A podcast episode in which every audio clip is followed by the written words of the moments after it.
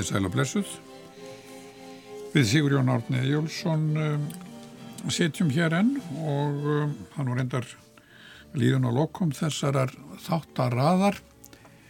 Gestur okkar í dag, hann er sestur hérna við hljóðnumann, Benedikt Hjartarsson, verður velkomin. Takk að það fyrir. Ég verður hjartalega velkomin, en að þú klárar bókmyndafræði en maður í bókmyndum frá Háskólu Íslands og svo helstu til Þískalands. Er ná vast í námi í Kíl sem er svona samíðilegu borg okkar.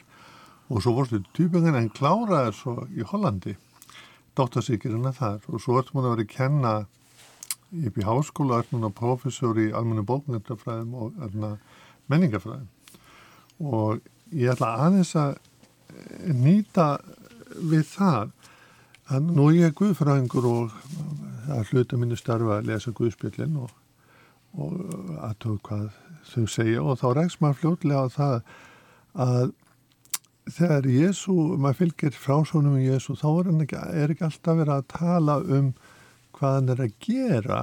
Þú veist að hjálpa fólk og slíkt. Heldur aðalega er fjallað um að hann er að kenna lærisennu sínum og er yfirleitt að fjallum tólkun á hefðinni sem eru að deila um.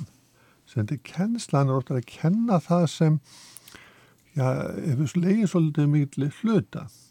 Og það er mjög gafin að lesa þessa frásur vegna þess að þeir átta sig yfirleitt aldrei á því hvert hann er að fara.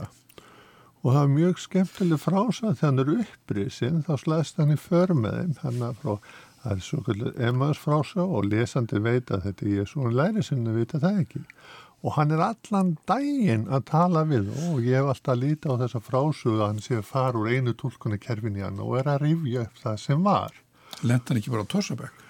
Já, þeir lenda allan í Emmaus og þá fyrst áttuðu sig á því hver hann var en þeir voru líka litlu nær og mann fundist eins og sagði kristnina sér svona alltaf að reyna að mentast um þessa aflöð og metana og reyna að spekla sig í inni og með svona, svona vissi virðingu fyrir fortíðinu en líka í átökum við fortíðina þá langar til að spyrja sko er ekki sjálfskakrinni hluta því að eiga í átökum við fortíðina? Sjálfskakrinnin er sannarlega hluti af, af því og þegar við glýmum við fortíðina þá erum við líka glýma við sjálf okkur í þenn skilningi að við erum að glýma við þessa fortíð sem er hluti af okkar eigin sjálfsmynd mm. og uh, þarna förum við að koma í rauninni að, að ákveðnum uh, kannski strax leikil spurningu myndi ég segja í, í allir vinnu með fortíðina og, og tólkunar hefðir uh, að við erum yðurlega sjálf hluti af þeim hefðum sem við vinnum með að greina. Það er að segja þetta sjónarhort utanfrá á viðfangsefnið höfum við alla jafna ekki. Þannig að uh, strax þarna getur við talað um sjálfsgagrinina og, og meðvitundina um, um uh, í rauninni hluteld okkar, okkar sjálfra í þeirri þekkingu og þeim hefðum sem við erum að skoða hverju sinni og, og þetta er auðvitað líkil þættir þarna um leið og við förum að fást við fortíðin og förum að fást við tólkunarfræði og förum að fást við textafræði. Og þú nefndir um mitt hérna þessa kristnu hefðir og, og, og uh, tólkunar spurningarnar þar í tengslum við bókmentafræðina við erum auðvitað öll filolókar, við erum textafræðingar við vinnum með texta og tólkum það er mm. það sem við gerum. En lendur maður ekki í því þegar maður er að fást svona við fortíðin og mest svolítið ef við höldum okkur aðeins við Nýja testamentið og enna Guðspillin þá er þetta mjög líkt og er í dag að þeir eru að rýfast um tólkun á fornum textum og hefðum og í þessum tólkun setja þá eru setta spurningar við þessar aðlæfingar í nútímunum. Við erum alltaf með mjög sterkast sín af fortíðinni hvernig hún á að vera og hefur verið tólkuð, svo þegar maður fer að skona þá miklu meira þar. Og þá, síðan svo fortíðin seti þá líka spurningamerki við sjálfsmynd okkar og bendi á eins og þú veist að segja á þætti sem eru, við erum, eru, við erum, erum hluti af sem við erum ekki meðvituðum. Og jáfnvel viljum ekki sjá. Mm. Það er heldur hluti af því líka og, og frá hvaða sjónarhóli sem er þaðan sem við horfum á fortíðina við búum til ákveðnar frásagnir, við búum til ákveðnar línur, við búum til ákveðnar genealógi eða, eða mm. sefjafræði, við sköpum okkur ákveðna mynd af fortíðinni og sögunni þar sem eitt hlut leiðir af öðrum. Mm. Þetta er grundvöldurinn að uh, sjálfsmyndum okkar, þetta er grundvöldurinn að því hvernig uh, við lítum á fortíðin en, en kannski er, er líkil uh, atriði þarna myndi ég segja þetta við sköpum okkur ákveðna mynd af sögunni og fortíðinni hvert sem sviðið er. Og við sköpum okkur ákveðna frásögn þar sem ákveðin þættir skipta máli ákveðin sviði skipta máli önnur skipta ekki máli önnur eru uh, auka atriði tilfallandi uh, atriði í samhengi sögunar sem hafa ekki áhrif á þar megin hugmyndir sem að liggja úr fortíðinni og inn í okkar eigin samtíma. Það eru hlutir í fortíðinni sem við kannski viljum ekki kannast við. Það stundur talað um konta kjarnanum og maður hugsa þá um hvað með hismið? Ég hef gert það sérsviði mínu að rannsaka hismi.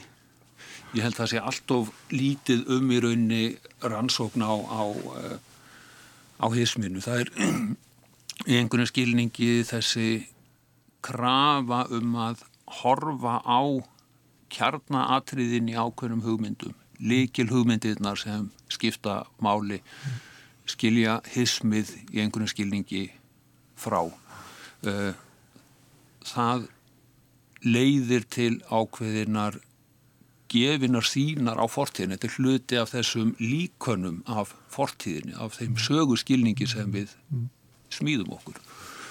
Og ég komið að þessu kannski ólíku samhengi vegna þess að ég hef kannski sérstakann áhuga á innmitt þeim hefðum sem að fyrir okkar eigin sögurskilning eða í okkar eigin sögurskilningi eru ekki taldarskipta máli og ég hef sérstaklega fengist þarna við þátt uh, til að mynda dulsbyggi hugmynda á fyrir hluta 20. aldar, síðari hluta 19. aldar. Það sem að sér þetta mjög skýrt reyfingar eins og Guðsbyggin á þeim tíma, spiritismin gríðarlega áhrifamiklar reyfingar og ef við horfum á til að mynda bókmentir og listir þá er vissulega vitundum að þetta veri mikilvægt á þessum tíma uh, margir höfundar þekktu þessar hefðir, voru byrja á kafi þessum mm. reytum en um leið er sagt þetta hefur ekki áhrif á þeirra listsköpun. Mm. Það er að segja þetta er hluta af hennu sögulega umhverfi sem við þurfum að vita af. Þetta skiptir ekki máli þegar við förum að fást við fagurfræðuna, bókmentirnar eða myndlistina. Þetta er því sögulega samingi, þetta er hismið sem við þurfum að greina frá þegar við förum að greina verkin eins og þau blasa eiginlega við og ég held þetta að sé uh, mjög skakt sjónarhorn uh, vegna þess að þessar hugmyndir hafa svo margvísleg áhrif á það hvernig menn hugsa um sköpunum, hugsunum, gaggríni. Mm. Þannig að þetta er ekki, þetta er ekki hismi. Þetta er ekki hismi. Þetta er ekki hismi. Og þetta er hluti af kannski ákveðnu sjónarhóttni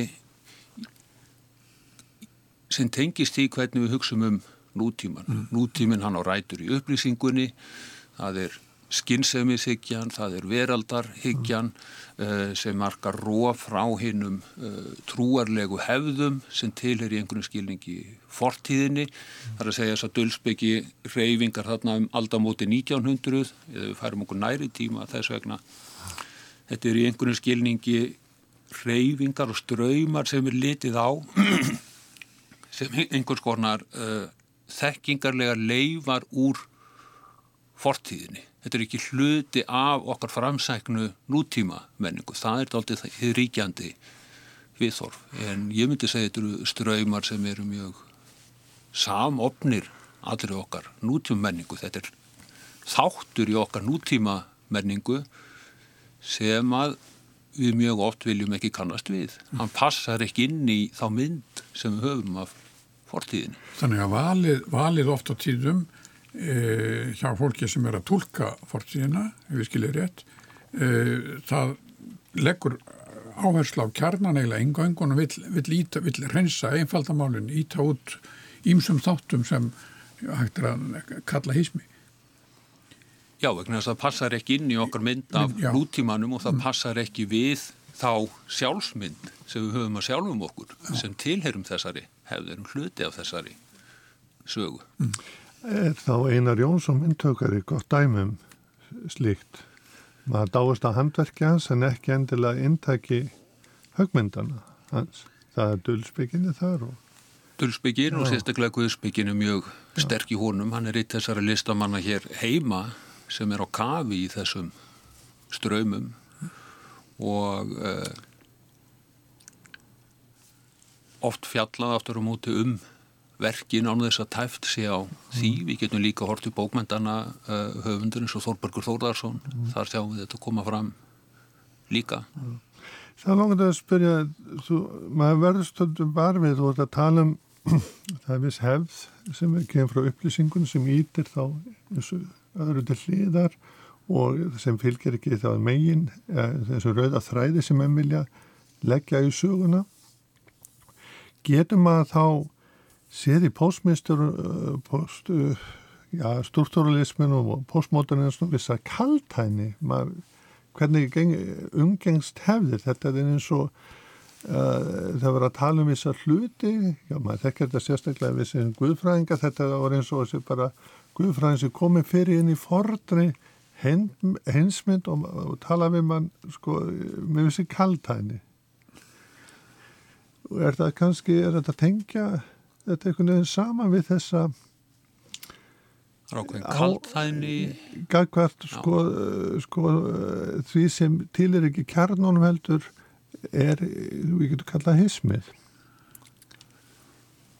Ég heldur höfum uh, þarna ákveðina kaltæni, við getum líka að tala um gaggríni og einhvers konar fjarlægð á þessar hugmyndir eh, þannig eru við þetta að tala um í rauninni eh, kannski sögu sem getum rakið aftur til þessara átaka í kringum upplýsinguna. Mm -hmm. á milli vísendahyggju, skinnsemiðshyggju annars vegar og trúarbræða hins vegar. Og það eru þetta laung og flókin saga full af átökum og spennu. Uh, kannski snertir þetta í einhvern skilningi í rauninni sjálft afhelgunar ferlið. Mm. Við erum að tala um sekulariseringun mm. og afhelgunina sem eru þetta ein af þessum stóru frásögnum nútímans mm. og vandin við afhelgunar kenninguna er, myndi ég segja að afhelgunin í rauninu á sér aldrei stað. Hún á sér ekki stað í þeirri einlítu mynd sem við tölum mm um hana og oft er talað um afhelgunin og síðan komi einhvers konar endurhelgunar reyfingar sem reyna að fara að endurheimta þessar andlegu hefðir. En í rauninni ef við lítum yfir uh, söguna þá er uh, þessi eigða sem menn tala um þegar við fara að tala um endurhelgunar reyfingarnar, þessi eigða á sér aldrei stað þar að segja þessir andlegu ströymar, þessar andlegu hefðir þar blómstara í upplýsingunni og ef við horfum bara til baka þá meðum við ekki gleyma því að við höfum Immanuel Kant uh, þennan stóra hinsbyggingu upplýsingarinnar uh, gríðarlega áhrifamíkil Svetenborg er samtíma maður Kant og öll svo saga sem að þaðan liggur aðri ströymar inn í okkar vestrænu nútíma menningu. Eins og líka virðist manni ef, við lítum til andlegs lífs á Íslandi fyrir rúmlega hundra árum að þá, þá takast þess, þá vefjast þessi ströymar til dæmis sko hvað svo vísinda heikju og hins andlega vefjast skringilega saman eins og byrtist til dæmis í því að, að frjálslindir guðfræðingar voru margir spiritistar. Og þú nefndir Þorberg að, að sko menn sem voru rótækir í, í þjóðfélagsmálum þeir voru hugsanlega spiritistar. Þeir gáttu verið Gátu verið það. Já, já.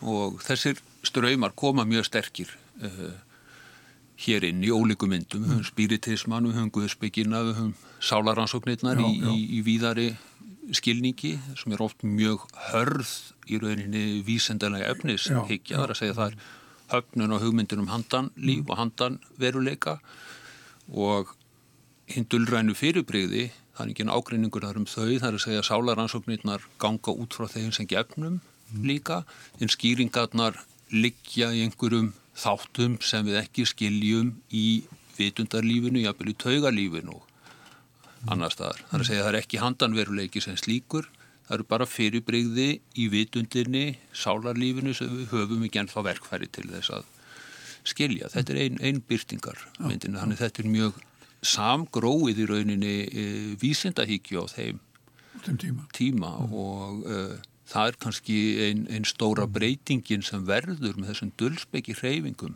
uh, þarna seint á 19. öldinni og um aldamótin 1900 er gaggrínu og mörguleiti höfnun á sko trúarlegum hugmyndakerfum og hugmyndum með einhvers konar handan veruleika þar að segja uh, hér trúarlega og andlega er bundið í hérna persónulegu reynslu. Það er að segja hún er bundin við samband mannsins við umheiminn.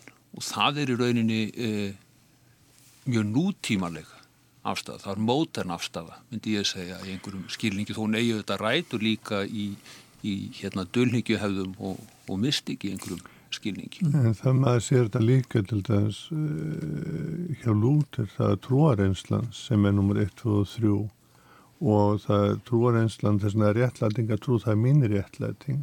Það er mér það sem er áhrif á mig það er mín upplifun sem skiptir máli. Þess að er þetta áherslu að prófa með fyrir mig. Það, það, það gerir þetta fyrir mig það er þessi áherslu og maður sér líka í hérna sko framaldi af lúter sem tengist svolítið sko upplýsingin kemur saminsku áherslunum sem er líka hægt að tengja við lúter en slægimakir og romantikin þá er sko í raun og voru er hann ekki að tala um handaveruleikan heldur raunveruleika upplifinu sinnar á trúni og trúasamfélagi sem er að tólka sjálfan sig. Þannig að þetta heldur alveg áfram.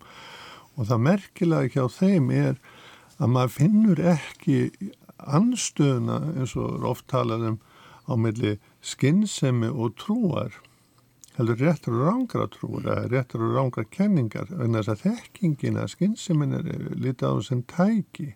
Og þá finnst mér gaman að heyra þetta um Guðsbyggina, hún setur fram í mis kerfi og er mjög öflug í, í, í því að skapa nýja hensmynd og en, henni var svolítið ítt til hliðan en maður hefur, eh, mér minnar að þú hafa bent mér á að mikið af þessum hugmyndu komið núna líka aftur upp í sambandi við eh, náttúruvend og ímislegt að þá er eins og þessar gömlu hugmyndir komið aftur inn á sjónasviðið og þá maður að hlusta á rætt náttúrun að tala um móðu náttúru. Ég veit ekki hvort að positivistar í byrjum síðustu aldarhæfi nota þetta orðtæki er, þetta ekki eins og þegar maður einn stefna er og sterk að það kemur samt aftur inn og við höldum aðeins áfram þú veist að tala um sekulariseiringuna menn áleitu að heimurum myndi bara þróast í þá átt að við yrðum öll hálf guðlaus og, og í raun og veru sænska mótelið að ríki myndi vera það sem kæmi upp. Svo allt í í kringum kostningarnar þegar Reykján verður fórseti, þegar Jónas verður páfi og svo aðna byltingin í aðna Íran, þá er allt einu kemur trúalega mjög öflugt inn á sviðið og þá er eins og að þessi til þess að afhelguna til þess að hafa bara átt sér sitt líf innan akadéminar en ekki samfélaginu. Ég held að segja mörguleiti rétt þetta þrýfast þessar hugmyndir áfram og það er kannski eitt af því uh, sem ég myndi velja nikkjá þar og, og þar komum við aftur að því sem við vorum að ræða í tengslu við hismið mm hugmyndir alla jafna hverfiki. Það er fara ekkert, það er taka á sig breyta mynd og það er ekki þannig í menningar og hugmyndasögunni að einhverjar hugmyndir líði undir lok og hverfi. Uh, Jafnvel hugmyndir sem eru vísindarlega afsannaðar þar fara ekkit. Mm. Þær taka á sig aðra mynd, þær geta uh, verið teknar upp often mitt í dölsbyggilegum hópum, í gaggríni á ríkjandi vísindahyggju, í einhvers konar gagnmenningu og, og þeim uh, vettvangi. Þar lifa hugmyndir oft áfram og eitt af því sem þú nefndir uh, um eitt núna var náttúrutrúin og hvernig við sjáum hana jafnvel koma mm. aftur. Ég myndi segja að í uh, samtímanum ef við horfum á þessa dölsbyggireyfingar sem ég hef mikið verið að skoða þá erum við að sjá núna gríðarlega endur komu bara gömlu náttúru spekinar sem við getum rækið aftur í romantík og jafnveg lengra aftur þessar hugmyndir um hérna lifandi náttúru og helgi náttúrunar. Náttúrun fyrir að verða aftur að maður heyrir að vísendamenn og raunvísendamenn og jafnvel lífræðingar þeir eru farin að tala aftur um náttúruna á allt annan hátt en bara fyrir tíu árum mm. og þá er sótt í þessar gömlu hefðir. Þetta er það sem gerist þegar við fáum einhvers konar átök og einhvers konar kreppu í vísendalegri þekkingu og vistkreppan er líka þekkingarkreppa. Það er ákveðið uppgjör við þessa tegunda positivisma sem við höfum haft þar sem er litið á sem hluta af vandamálinu þegar við tölum um uh, ástandið í, í vistkerfinu það fara að leita öðrum leiðum og það sem yfirlega gerist þar er þar sótt aftur í þessar eldri hefðir mm. Og allt í henn er farið að ræða um hefðir og þær koma inn í umræðuna sem að uh, mjög fáir hafa verið að kanna nefn að þeir sem eru kannski á kafi í náttúrusbygginni eða í dölsbygginni almennt. Allt í einu fara kunnulegn upp úr samhengi, sögulegu samhengi í dölsbygginnar fara uh, að dúka upp í samtímanum. Sigurjón nefndi áðan hugtækið poststruktúralismi sem er nú kannski ástæð til þess að, að, að taka aðeins og skoða hvað það í rauninni þýðir en, en síðan er eiginlega þá mín spurning eru sko fræðimenn í dag eru þeir, eru þeir algjörlega frjálsir af því að sölla bara öllu saman? Nei, það held ég ekki en það held ég ekki En, en poststrúð, hvernig getur þið gefið okkur uh, svona örstutta skilgreiningu á poststruktúralisma?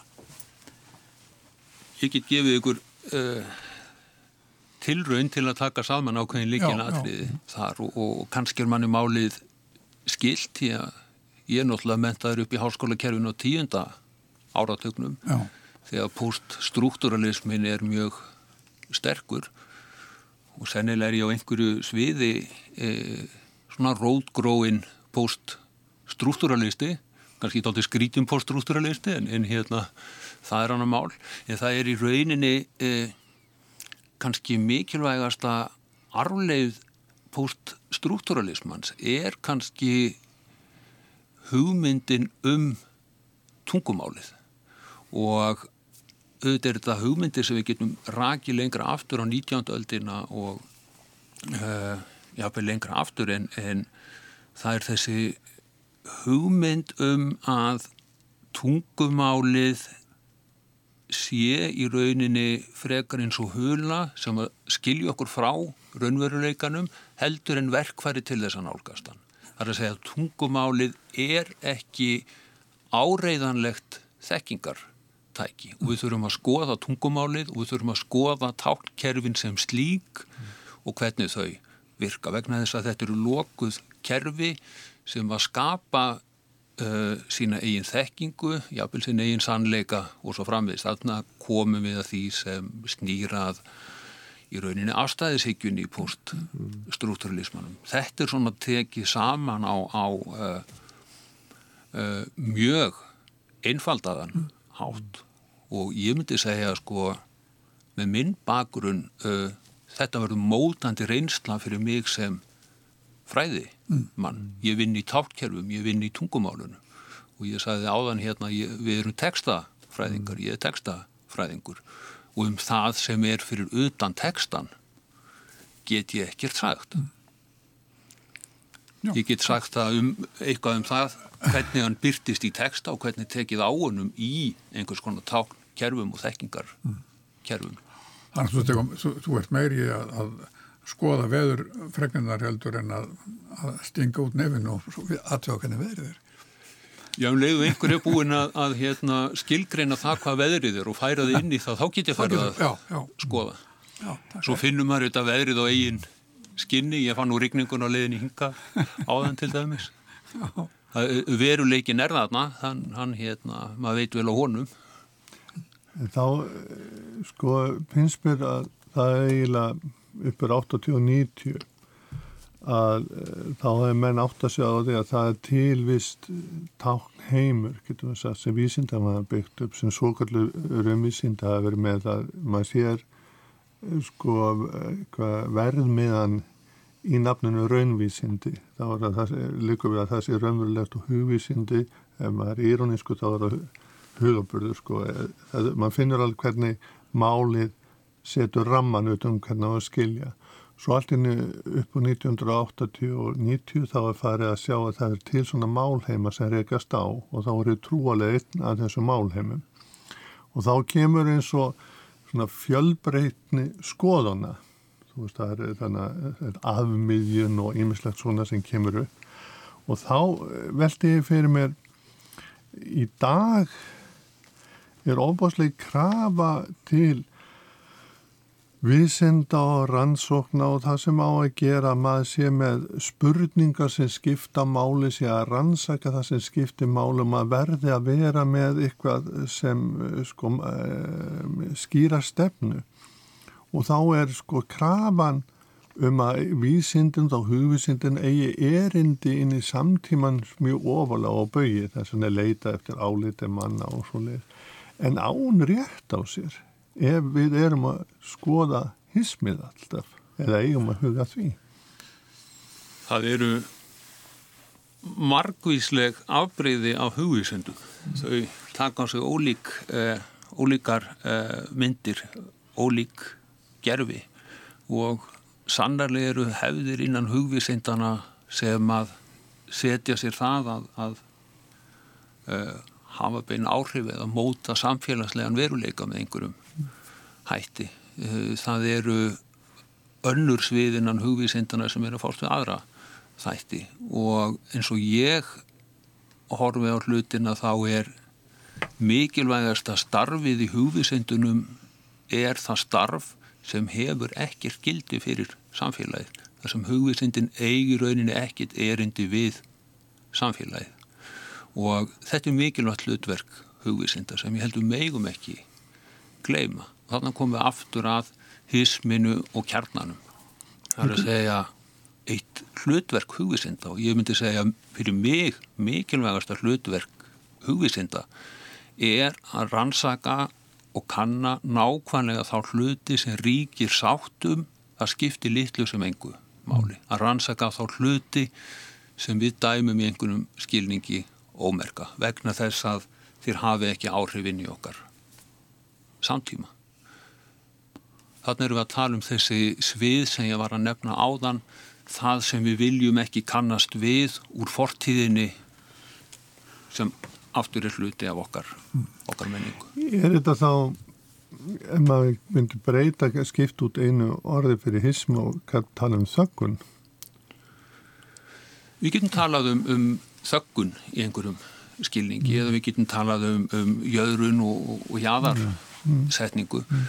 Uh, þetta hvernig ákveðnar hefðir, ákveðnar þekkingar hefðir, hvernig þeim er í rauninni ítt til hliðar og ekki synd. Mm. Og þá finnir, er maður líka að velta fyrir sér nú háskólasamfélagi breyst óbúslega mikið eftir að postmodernismin kom upp og, og þessi struktúralism og allar þessi stefnu kom upp þá er eins og fjárasvæðing háskólans hafi líka fjármaksvæðing það er eins og það eru það er verið að telja hvað er margi komið í tíma til þess að hvort það sé hægt að halda námskeið og laun e, prófessora eru metin eftir punktun, hvað er skila af sér og svo framins og eiginlega gegnsæðið er orðið í raun og veru e, hvað hlutinu kost og hvað maður fær fyrir þá.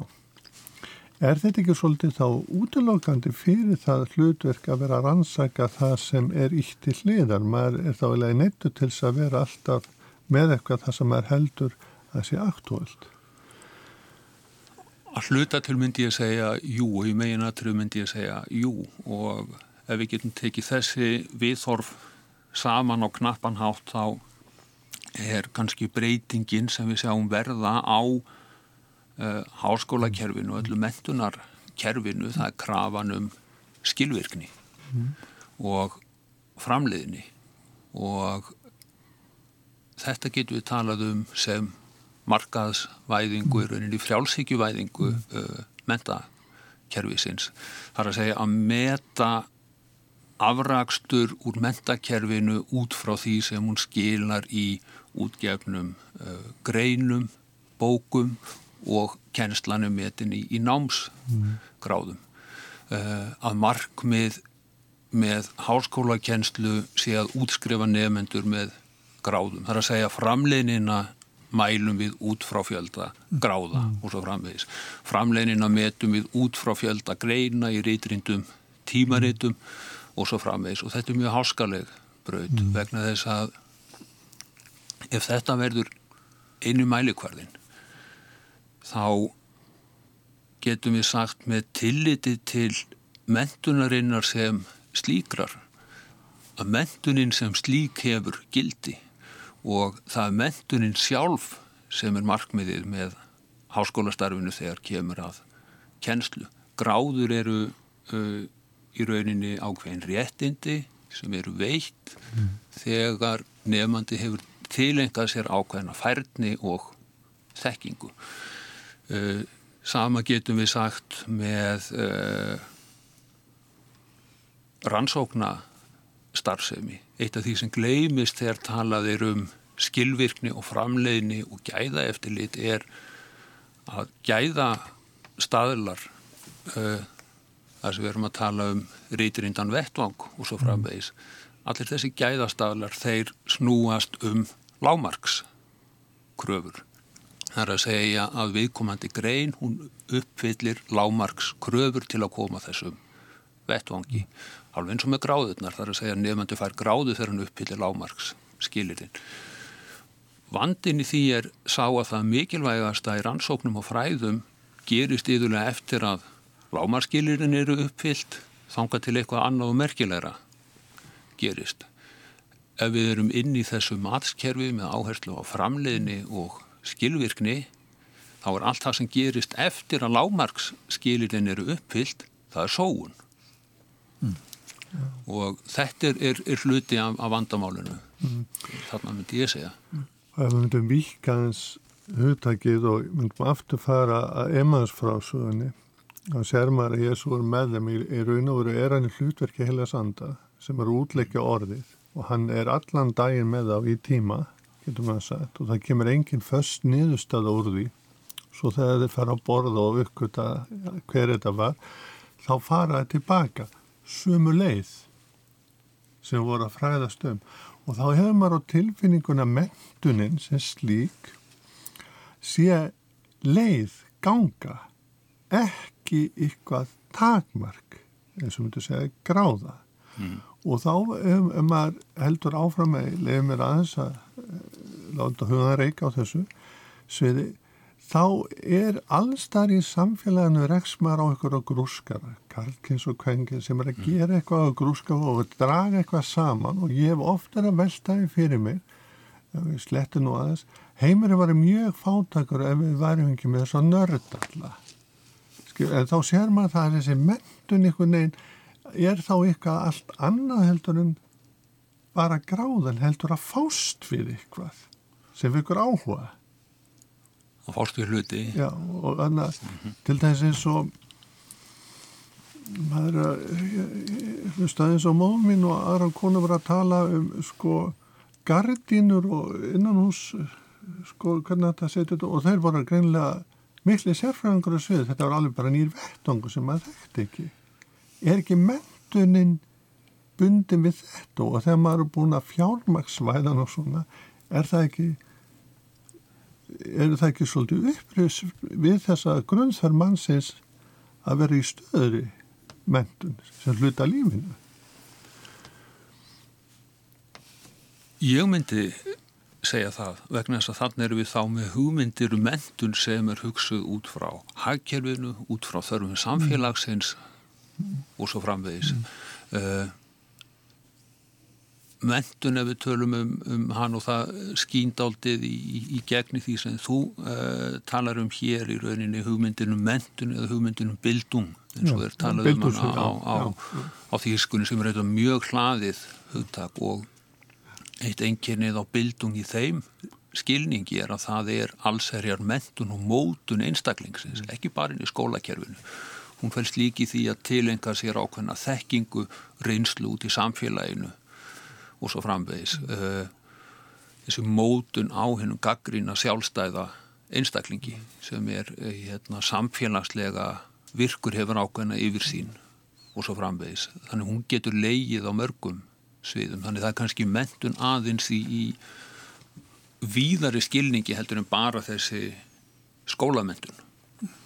Þetta þarf ekki útilega hvort annað en þess að maður fer í skóla til þess að geta haldið áfram maður, að menta sig og læri þá tækinn til þess að geta þroska sig áfram. Þetta sé svona verið veltægi fyrir mig líka og fyrir ekki að ég fer aftur inn á þetta guðfræðilega svið að við ofta erum að tala um eftirfylg við Jésu, maður þekkir þetta þetta er eins og klísja en þetta er svona hluta hisminu, maður getur tala eftirfylg við Jésu, hvernig á hún að vera? Þá er yfirleitt farið inn í félagslega gerin að sinna þess sem er erfitt og slíkt sem er, eh, maður hefur ekkert á móta þess en maður sér allstað að kristin er þá kemur alltaf sjúkrás og skóli.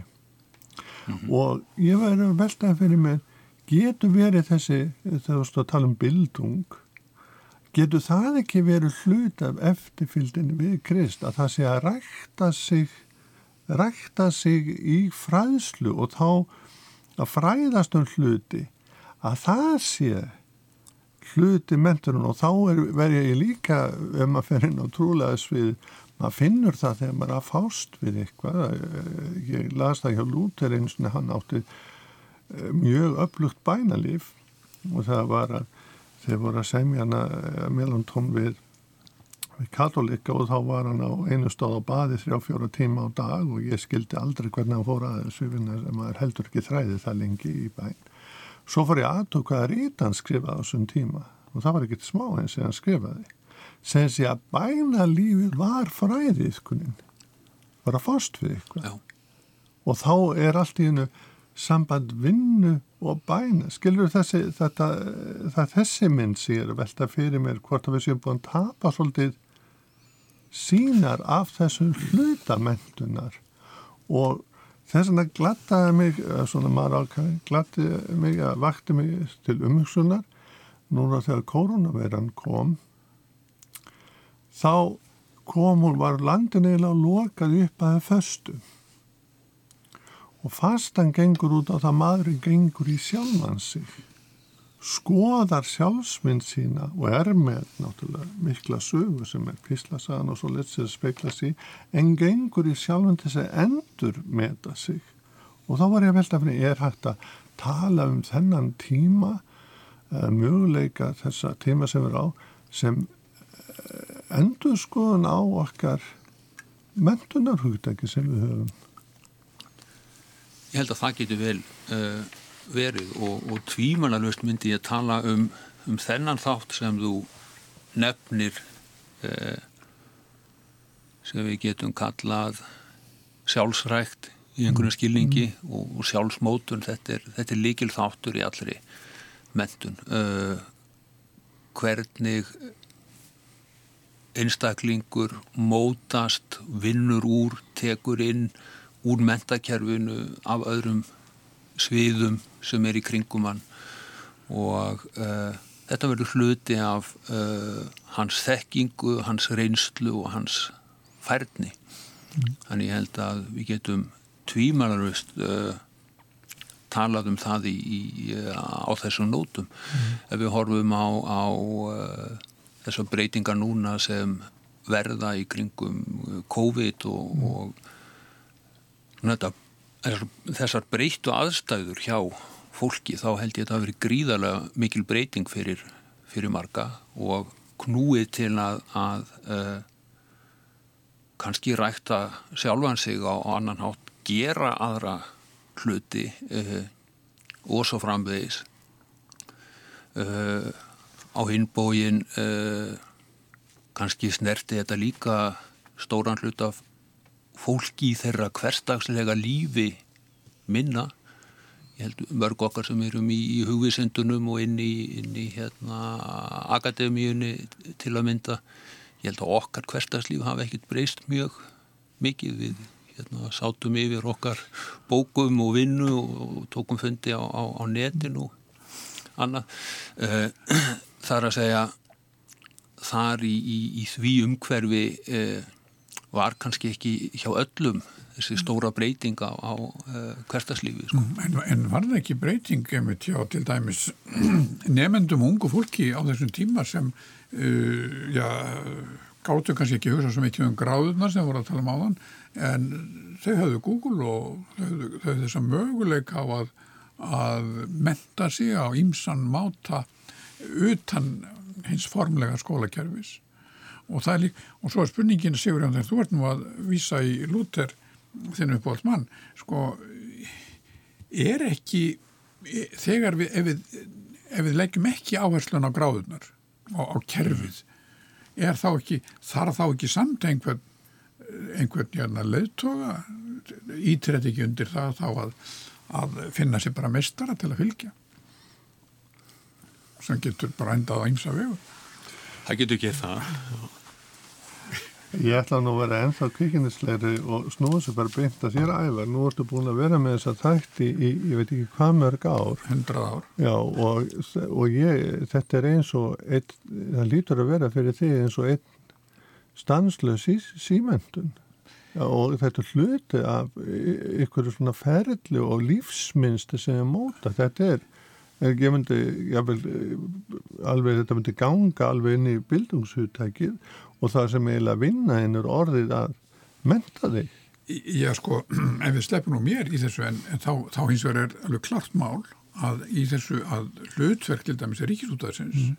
í þessi, þessi 90 ár sem það hefur mm. starfað, bráðum 90 ár, hefur auðvitað verið mjög mikilagt í þessu bildungs þessari bildungshugmynd, þessari hugmynd um almenna mentun og menn lögðu mikla áherslu á þetta hér, það er sérst til dæmis í gamlum útvarpserindum, erindum um daginn og veginn og hérna fyrr um miðja, um miðja 20. og fyrir að, að menn bundu vola mikla vonir við þessa nýju, þennan nýja fjölmiðil.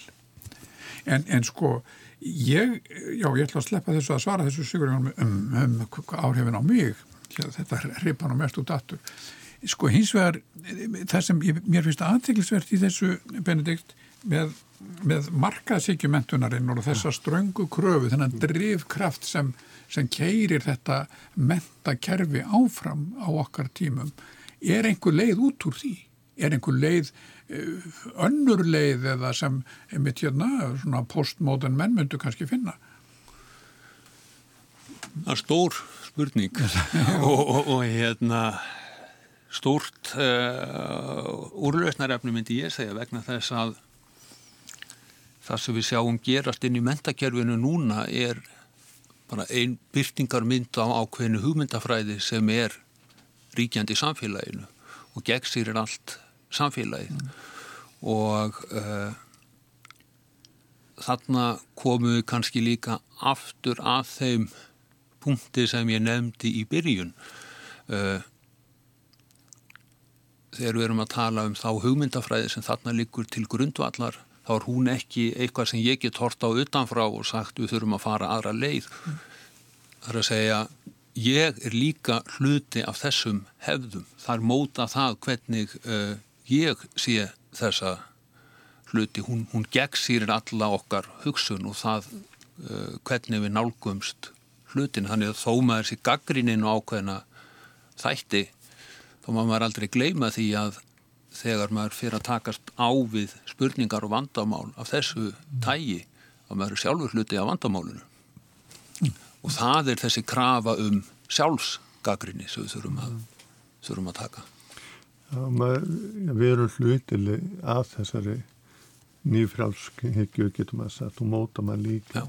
En við erum líka hluta af þessari löngu hefð sem þú vorust að tala um samt að ríkisútvarpið og ef maður tala um ríkisútvarpið þá er þetta Jón Múla sem uh, var eiginlega minn upp að landi í sambandi í djassin þannig að maður sé sko að uppbyldast hlutverki er þar. Og þá er líka hef ég verið að velta fyrir mér þessi markmiðsu það er örgleikur komund og tókst þetta það, sko, mm -hmm. er, það er svona mati. Það, það er ekki að losna úr því og segja það er verið að gera þetta. Skiljið, það er leiðin ekki alltaf markmið. Þetta er svona að segja að það varu kröfuna til þess að geta lappað hafið ferlið. Og það er eins og það gleymist að þetta ferl og í þessu ferli eigum að lifa. Mm -hmm. er ekki endilega að komast að markið og emansfrásaðan þau komast til emans sem fór strax aftur tilbaka. Þetta er svona, það, við erum alltaf að fara sömu leið og þetta, ég var að velta efinn um hvort að þetta gæti komið svona, ég er kannski á bjarsinn út á COVID en, en það, allan að það sem kom út samfélag getur gert ímislegt það sem maður bjóst ekki að vera hægt að gera.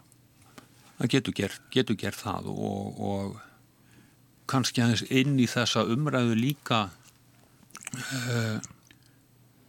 þegar við tölum um, um, um mentun og á þessum forsendum fyrir mér er mikilvægasti þáttur mentunar og hér talum við þetta sem einhver sem kemur úr, úr hugvísindunum og þar er ég með minn bakgrunn mm. uh, og tala þess að mest um þau uh, mikilvægustu þættirnir í allir mentun og kennslu eru spurningarnar og uh, að spyrja nýra og réttu spurningana, mm. ekki þekkingin eða svörin sem að gefast og, og þetta er leikilatriði fyrir mér til að mynda þegar kemur að allir í kennslu þegar ég er að vinna með nefnendum að líta á kennsluna fyrst og fremst sem ákveðna þjálfun í því hvernig spyr ég spurninga hvaða spurning er það sem að uh, þannig er hægt að setja fram. Og hvernig getum við nálgast þetta á annan hátt til að, til að varpa fram öðrum spurningum? Vegna þess að niðurstöður og svör sem við fáum eru aldrei betri heldur en spurningarna sem við vörpum fram. Við erum alltaf að glýma við að móta spurningar í rauninni. Og þá er, er hérna mjög erfitt kannski að hugsa um það út frá mælanlegum niðurstöðum. Það er að segja að mælanlega niðurstaðan er ákveðin spurning. Og þetta er það sem fræðin er að ganga út á. Við höfum skiljað okkur eftir með fleiri spurningar heldur en þau gefa okkur svör.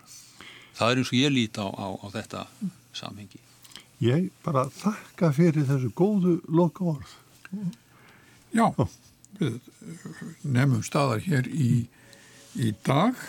Kjara þakki Benedikt Hjartarsson, bókvöndufræðingu, fyrir að sitja hérna með okkur Sigurjóni Átna og að vikuleginni þá allum við Sigurjóni Átni að slá botni þessa þáttaröð en verið sæl.